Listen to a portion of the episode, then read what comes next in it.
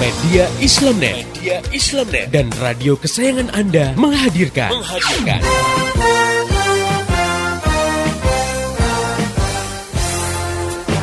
Voice of Islam. Voice of Islam. Voice of Islam. Di satu sisi diyakini bahwa perbuatan judi dan semua bentuk kemaksiatan itu diharamkan oleh Islam. Itu juga banyak yang sudah tahu. Namun di sisi lain, umat Islam sendiri tidak memiliki kemampuan untuk melarang kegiatan seperti itu. Karena sebenarnya kalau orang paham Islam, maka tidak akan dia punya pendapat wanita harus bekerja karena Islam tak pernah mewajibkan wanita untuk bekerja yang wajib bekerja itu laki-laki hmm, karena mereka iya. wajib menanggung nafkah keluarganya. Jadi sebenarnya hukumnya wanita bekerja itu mubah, hmm, boleh ya, jadi tidak dosa. Pemanfaatan tenaga nuklir apabila dipergunakan untuk kemaslahatan umat seperti penggunaan sektor non energi dan energi tersebut, maka hukum Islam memperbolehkan bahkan menganjurkan. Namun apabila digunakan untuk tenaga nuklir yang sifatnya menghancurkan kehidupan, dan menimbulkan kerusakan di muka bumi, misalnya seperti senjata nuklir, maka hal ini tersebut haram hukumnya. Allah Subhanahu wa taala mencela tindakan merusak dan orang-orang yang membuat kerusakan di muka bumi.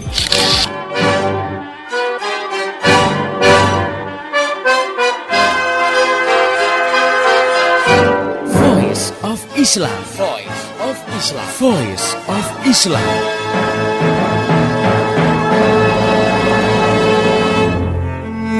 Halo Indonesia Assalamualaikum warahmatullahi wabarakatuh Gimana kabar anda hari ini? Mudah-mudahan sehat walafiat Lebih baik dari hari kemarin Dan mudah-mudahan hari-hari berikutnya menjadi semakin lebih baik Baiklah pendengar yang budiman Senang sekali saya Umar Abdullah Kembali menjumpai anda dalam program Voice of Islam Kerja bareng media Islamnet dan radio kesayangan anda ini Dan kali ini dalam rubrik kisah-kisah teladan akan saya sampaikan, akan saya kisahkan tiga buah kisah.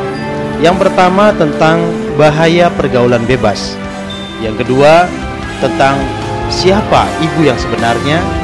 Dan yang ketiga tiada kejahatan yang tidak berbalas. Nah, beginilah kisahnya.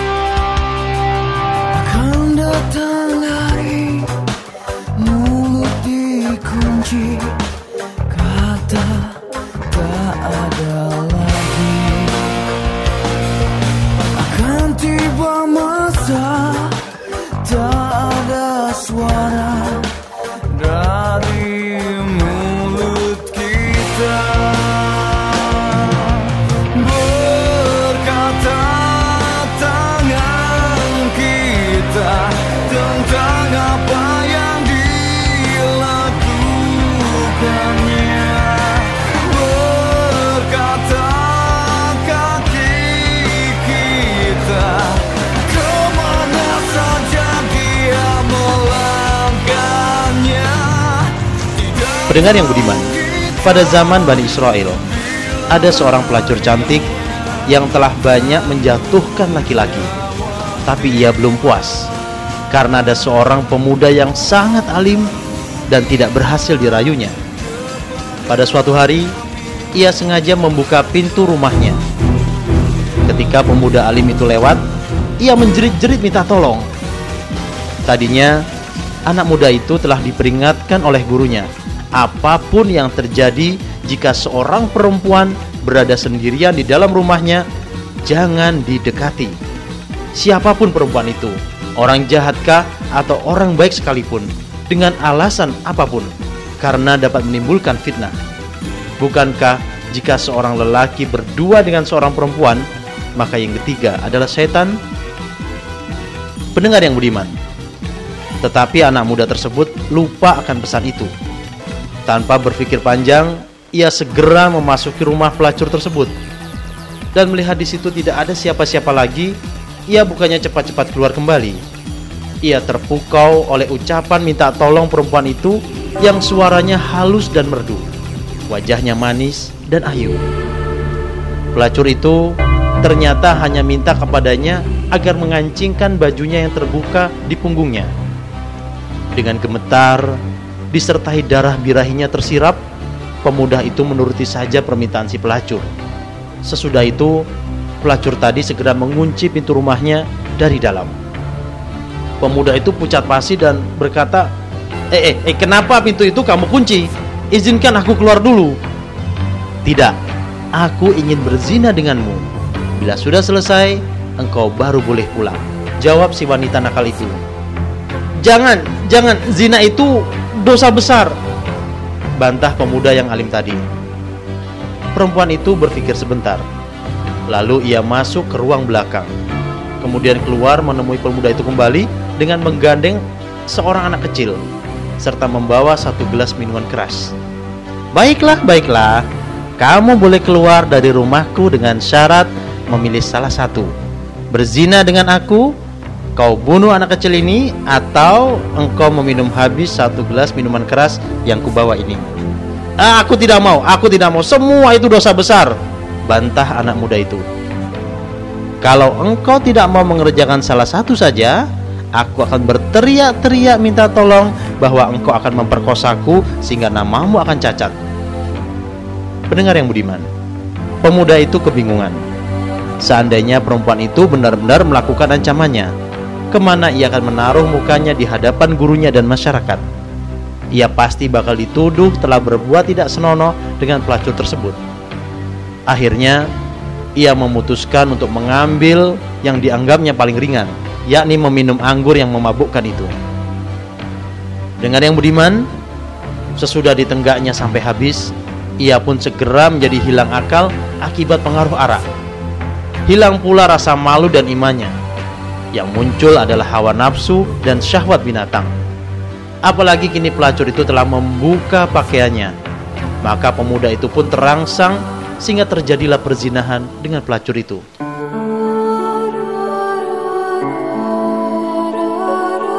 Setelah puas dan ia pun mulai agak sadar, pemuda yang tadinya alim itu mendadak ketakutan melihat di situ ada anak kecil yang menyaksikan perbuatannya.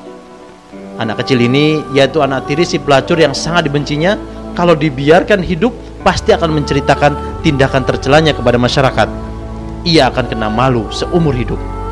Karena itu, ia mengambil keputusan yang dianggapnya tepat, yakni melenyapkan saksi mata dengan cara membunuh anak kecil itu. Dengan demikian, lengkaplah kejahatan si pemuda itu. Ia telah meminum arak, ia telah berzina, dan ia telah membunuh manusia yang tidak berdosa. Iblis pun tertawa terbahak-bahak, membanggakan kemenangannya. Nauzubillah min dalik. 24 tahun ya Rombana Hamba di dunia Rombana Hamba banyak dosa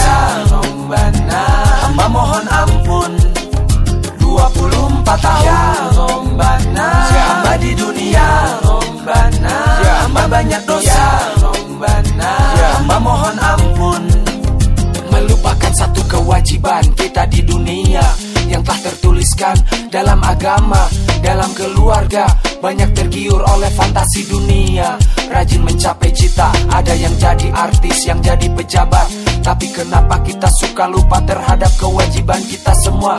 Yang jadi artis banyak yang tidak hafal hadis, yang jadi pejabat banyak yang ninggalin sholat.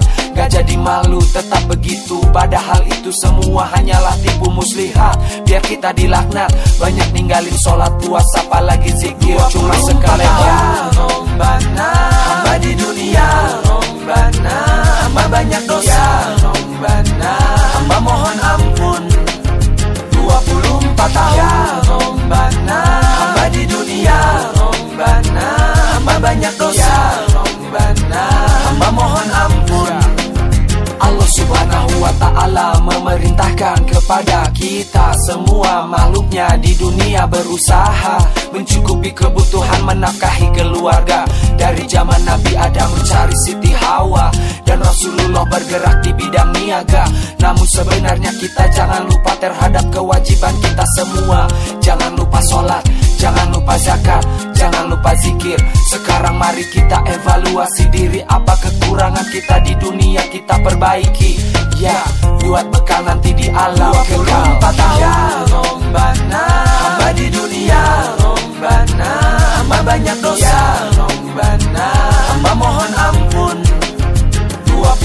Tahu ya Robbana Hamba di dunia Rombana, Hamba banyak dosa ya Robbana Hamba mohon ampun.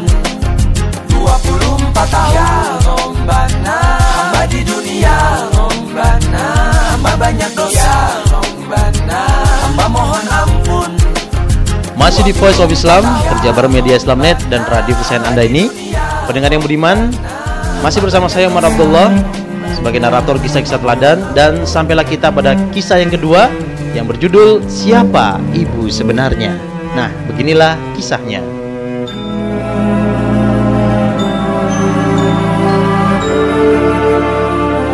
Pendengar yang budiman, dua orang perempuan yang bertetangga dan tinggal di tepi sebuah hutan mempunyai bayi masing-masing satu orang. Suami kedua perempuan itu sedang bepergian untuk beberapa minggu. Suatu ketika, ada seekor serigala buas menerkam dan memakan salah seorang anak mereka tatkala kedua anak tersebut sedang berada di ayunan di pinggir hutan. Terang sekali yang dimangsa adalah anak si wanita yang tubuhnya lebih gemuk. Sedangkan bayi dari perempuan yang agak kurus hanya menderita cakaran serigala sedikit.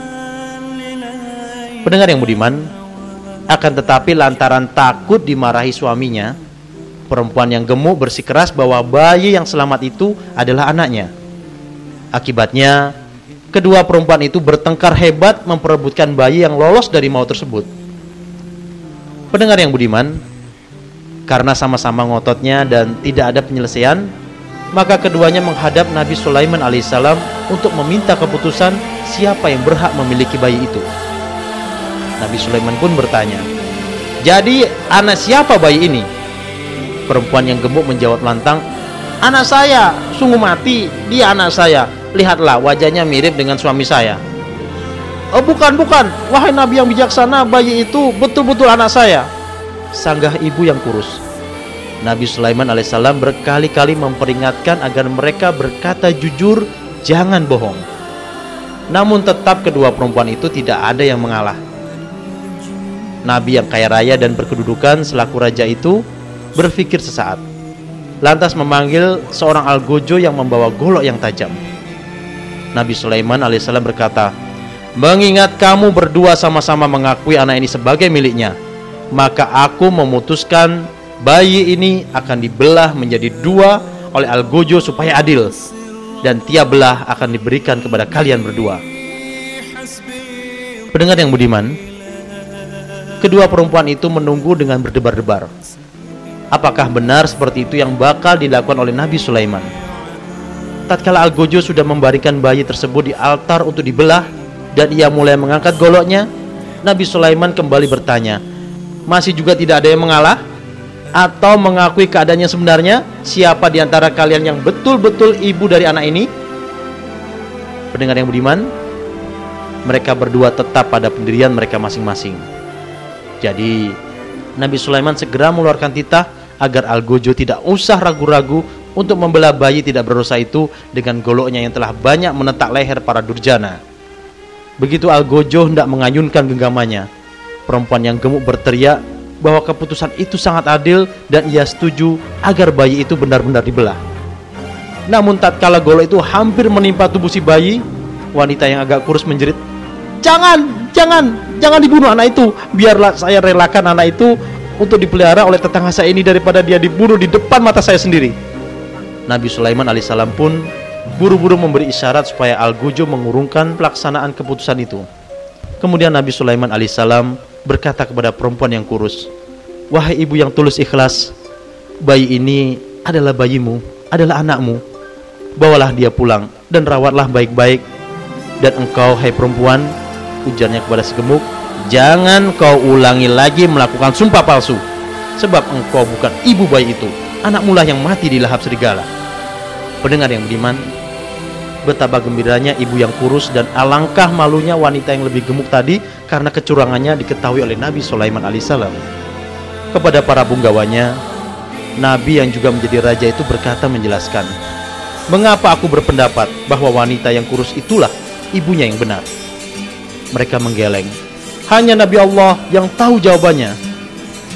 Nabi Sulaiman alaihissalam berkata, Seorang ibu yang asli, bagaimanapun juga tak akan tega hatinya menyaksikan darah dagingnya dibunuh di hadapan matanya. Ribuan kilo jalan yang kau tempuh lewati rintang untuk aku anakmu. Ibuku sayang masih terus berjalan Walau tapak kaki penuh darah, penuh nanah. Seperti udara kasih yang engkau berikan. Tak mampu ku membalas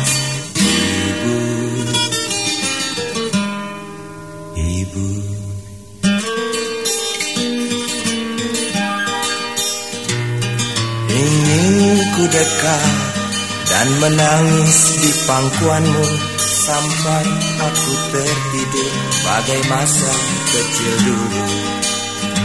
Lalu doa-doa baluri sekujur tubuhku Dengan apa membalas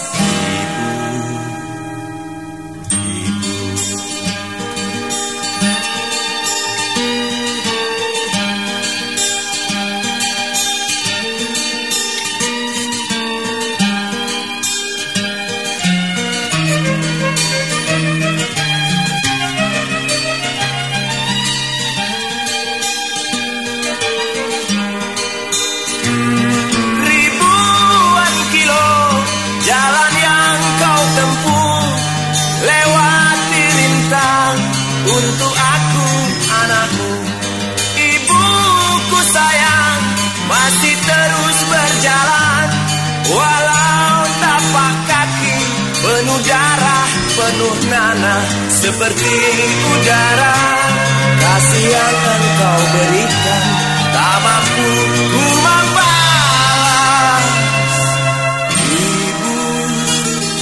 Masih di Voice of Islam, kerja bareng media Islamnet dengan radio kesayangan Anda ini.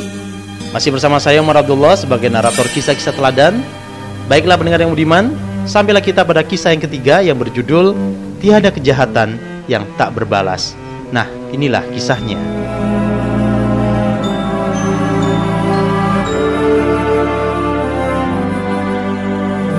Pendengar yang budiman, seorang penunggang kuda yang masih muda belia tampak begitu kelelahan dan kehausan. Maka tatkala tiba di suatu wadi yang bening airnya, dengan tanaman rindang di sekelilingnya, penunggang kuda itu menghentikan kudanya dan turun di tempat tersebut. Ia berbaring, lalu meletakkan sebuah bungkusan di sampingnya.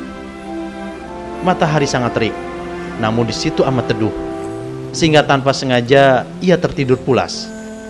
Ia tidur lelap setelah memuaskan dahaganya dengan minum air bening di wadi tersebut. Pendengar yang budiman, ketika ia terjaga, matahari mulai condong. Ia sedang mengejar waktu karena ibunya sakit keras. Nampaknya ia anak orang yang kaya raya. Terlihat dari pakaiannya yang mewah dan kudanya yang mahal. Pemuda itu terkejut sekali menyadari hari telah menjelang sore. Dengan tergesa-gesa, ia melompat ke punggung kuda. Bungkusannya tertinggal sebab ia hanya berpikir untuk segera tiba di rumah menunggu ibunya yang sedang sekarat. Bapaknya sudah meninggal dibunuh orang beberapa tahun berselang. Pendengar yang budiman, tidak lama setelah ia meninggalkan tempat tersebut, seorang pengembala lewat di tempat itu. Ia terkesima melihat ada sebuah bungkusan kain tergeletak di bawah pohon. Diambilnya bungkusan itu lalu dibawanya pulang ke gubuknya yang buruk. Alangkah gembiranya hati anak itu tatkala melihat bungkusan itu berisi emas dan permata yang pasti amat berharga. Ia yatim piatu dan masih kecil sehingga penemuan itu dianggapnya merupakan hadiah baginya. Pendengar yang budiman, ketika tempat tadi sudah sepi, seorang kakek yang bungkuk berjalan terseok-seok melalui wadi tersebut. Setelah capek, ia pun duduk beristirahat di bawah pohon yang rimbun. Belum sempat ia melepas lelah, anak muda penunggang kuda yang tertidur tadi datang kembali hendak mengambil bungkusannya yang tertinggal. Ia memacu kudanya seperti kesetanan agar belum ada orang yang menemukan miliknya. Tetapi tatkala ia sudah sampai, alangkah terkejutnya pemuda itu melihat bahwa di bawah pohon tempatnya beristirahat tadi kini terdapat seorang kakek. Dan ia lebih terperanjat lagi ketika dilihatnya bungkusan kainnya sudah lenyap dari situ. Maka pemuda itu dengan suara keras bertanya kepada si kakek, "Hei, kek, mana bungkusan yang tadi di sini?" Eh, saya tidak tahu. Jawab kakek dengan gemetar. "Jangan bohong!" bentak si pemuda. Sungguh, waktu saya tiba di sini tidak ada apa-apa kecuali kotoran kambing. Kurang ajar, kamu sudah tua kan? Mau mempermainkan aku? Pasti engkau mengambil bungkusanku dan menyembunyikannya di suatu tempat. Ayo, kembalikan. Bungkusan itu baru kuambil dari kawan ayahku sebagai warisan yang dititipkan ayahku kepadanya untuk diserahkan kepadaku. Kalau aku sudah dewasa, yaitu sekarang ini. Ayo, kembalikan. Sumpah Tuhan, saya tidak tahu. Sahut kakek tersebut sambil ketakutan. Kurang ajar, bohong. Ayo serahkan kembali. Bila tidak, tahu rasa nanti. Hardik si pemuda tambah berang.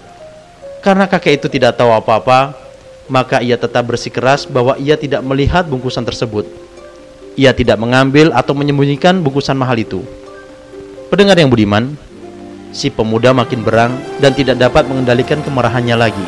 Dicabutnya sebilah pedang pendek dari pinggangnya dan kakek tadi dibunuhnya dengan darah dingin.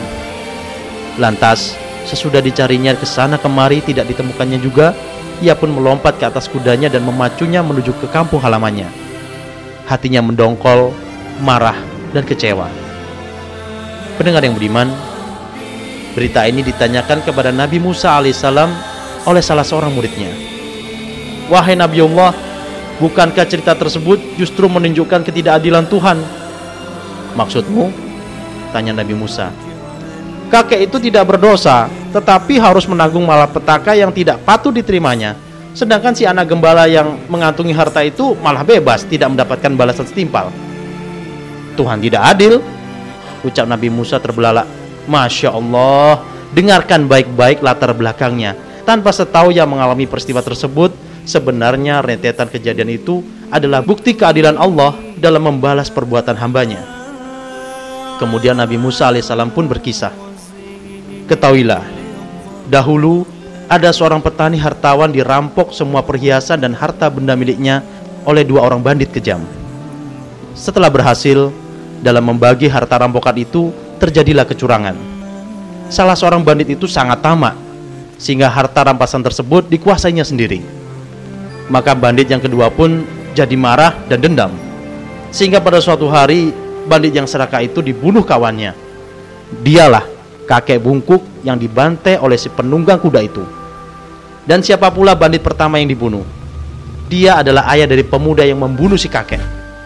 Di sini berarti nyawa dibayar dengan nyawa. Adapun petani hartawan yang hartanya dikuras oleh kedua bandit itu adalah ayah dari anak yatim piatu yang mengambil bungkusan kain tadi. Nah, itu juga keadilan Allah. Harta kekayaan telah kembali kepada yang berhak dan kejahatan kedua bandit itu telah memperoleh balasan yang setimpal. Meskipun peristiwanya tidak berlangsung tepat pada saatnya, namun toh sesuai dengan kejahatan mereka.